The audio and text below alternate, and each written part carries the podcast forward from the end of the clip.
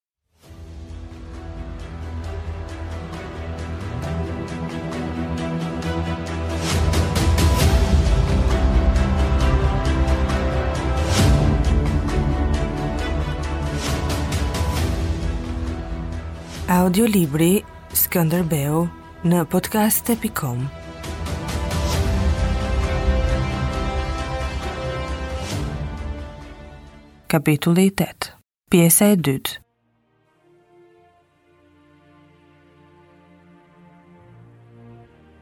Fati u ngrit i lodhur me tetë fitoret e shkëlqyera të Skënderbeut, u përmblodh dhe ia veshi me kamxhik duke i rripur lëkurën deri në kockë. Ai ishte ngrindur për jetën e një ushtari, tani humbi pa nder dhe pa gojë të jepte përgjigje në tri orë e sipër, pesë mijë veta, ndërsa dy mijë të tjerë ishin plagosur. Ai kishte humbur gjysmën e ushtrisë. Këtë e kuptoi nga sa thoshin të ikurit që u bashkuan me të.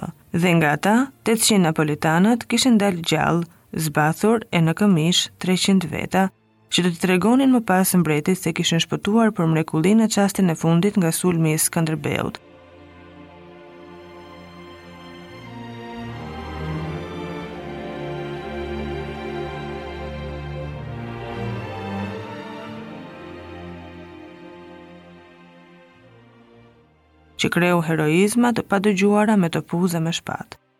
Por lajmi arriti në Napoli më parë se ushtarët dhe të gjithë ngushëlluan mbretin për këtë gjëmë. Atje nuk ishin mësuar të humbisnin në ndonjë luftë më tepër se dhjetë ushtarë. Humbja e pesëqind ushtarëve në një ditë ishte një katastrofë e tmerrshme për mbretin e Napolit. Skënderbeu ecte në errësirë, po ikte për të parën herë duke i kthyer shpinën armikut dhe kishte shijen e baltës në gojë. Prapa vinin njerëz që këmbenin ndonjë fjalë në zë kur pengohej dikush, Dhe vetëm kjo i kujtonte atij se jeta s'kishte pushuar së qeni.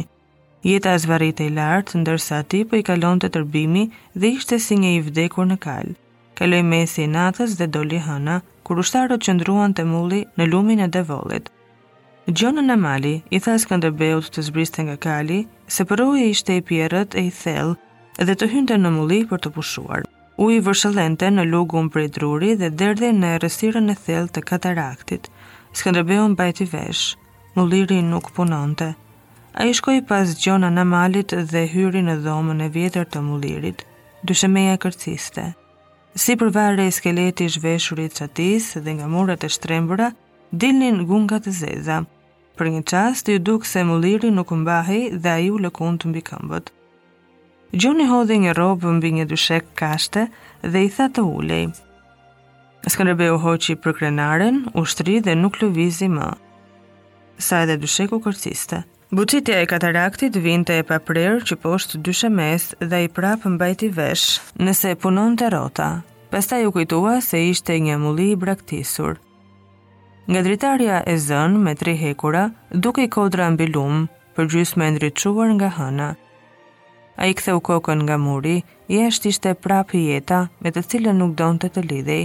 Dielli ndriçonte ahurin e mullirit, kur Skënderbeu u zgjua dhe pa se kishte fjetur plumb.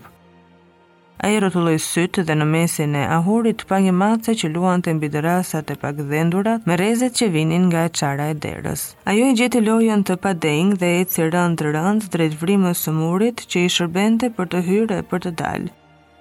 Pastaj ai pa trarin e madh të çatisë të shtrembër e të vjetër dhe u çudit me peshën që mbante një tra i vetëm. Ai rrinte pa lëvizur dhe truri i tij tërhiqej nga ato që i kapte syri. Pastaj dëgjoi njerëzit që flisnin jashtë nën zë dhe jeta filloi të kthehej val-val, të përhapej si njollë e errët dhe të merrte frymë. Tani duhej të mposhte ankthin që të dilte te njerëzia, por ankthi nuk mund të mposhtej. Ai ndjeu shijen e gjakut në gojë dhe u ngrit. Sapo kishte ardhur Hamzai, me pjesën tjetër të gardës. Ai tha se Araniti ishte tërhequr në anën e Dumresë, kurse Tanushi po shkonte drejt Krujës. Ai donte të thoshte edhe më, por u ndal kur pa fytyrën e zbardhur të ungjit, me njollat e errëta të gjakut në mjekër.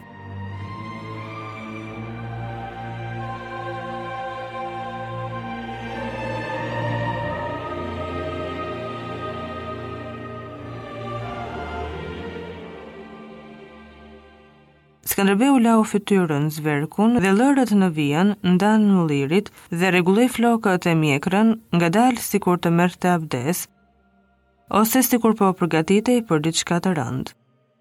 Jepuni kurajo të plagosurve, i tha Hamzai. Të gjithëve u dhamë, janë nisur, kam dërguar patrulla të kërkojnë të tjerët, tha Hamzai.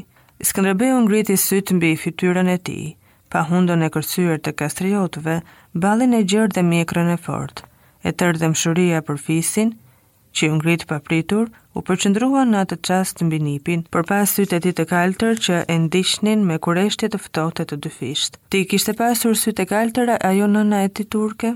Skënderbeu filloi të ndihej më mirë sa kohë ecën në luginë, pastaj e kapërcyen lumin që sillte ujë deri në barkun e kalit dhe dolën në fushë. Të plagosurit që i kishin shpëtuar natën syrit të turkut Ishin të gjithë në kuaj. Të tjerët, më këmbë, hiqeshin mënjanë t'i hapnin rrugën dhe shikonin vjedhur, e fshihnin fytyrat. Ai shtrëngoi frerin e kalit dhe shpejtoi. Ankthi i mëngjesit po rikthehej. Nga mbrapa frynte një flladh si i spërkatur në gjak. Pak më tej, kur i kaloi ushtarët dhe përpara s'kishte njeri, e liroi frerin. Ai nuk e pati ndjerë goditjen kur pa ushtrinë nën këmbët e Evrenozit. Ato ishin çastet e tronditjes dhe të përpjekjes për të shpëtuar ç'të mundej. Por tani, pamja e betejës, ngrihej e ulej në sytë e tij si një fantazëm që ndërron formë. Ai duhej të dilte nga ajo gjendje, të shihte më mirë, atë që kishte ndodhur dhe i zbriti kalit, Bëri pushim dhe zuri të pyeste me të qetë të ikurit që ndeshi gjatë rrugës. Vërtetohej pak a shumë ajo që kishte thënë Hamzai. Muzaka me gjithë ushtrinë, 5000 veta, ishin shfarosur pothuaj i tëri, i goditur pas shpine, edhe nga turqit e kalasë që shkrehu topat njëherësh, hapi portën dhe ushtarët e garnizonit u derdhën mbi Muzakën. Ai vetë kishte qenë ndër të parët që kishte mbetur i vrarë. Raniti kishte shpëtuar me dëme të pakta. Tanushi i plagosur kishte mundur të tërhiqej. Nuk dihej numri i saktë i të vrarëve e të plagosurve, po kuptohej se gjysma e ushtrisë e kishin pësuar. Ai u nis në rrugën që të çonte në Krujë, po nxehte dielli, vendi dukej i shkretë, i kredhur në qetësi. Nga fijet e barit, gurët dhe drurët kullonin hidhërimin e pashpresë. Të gjitha kishin humbur sa të hapësh e të mbyllësh sytë.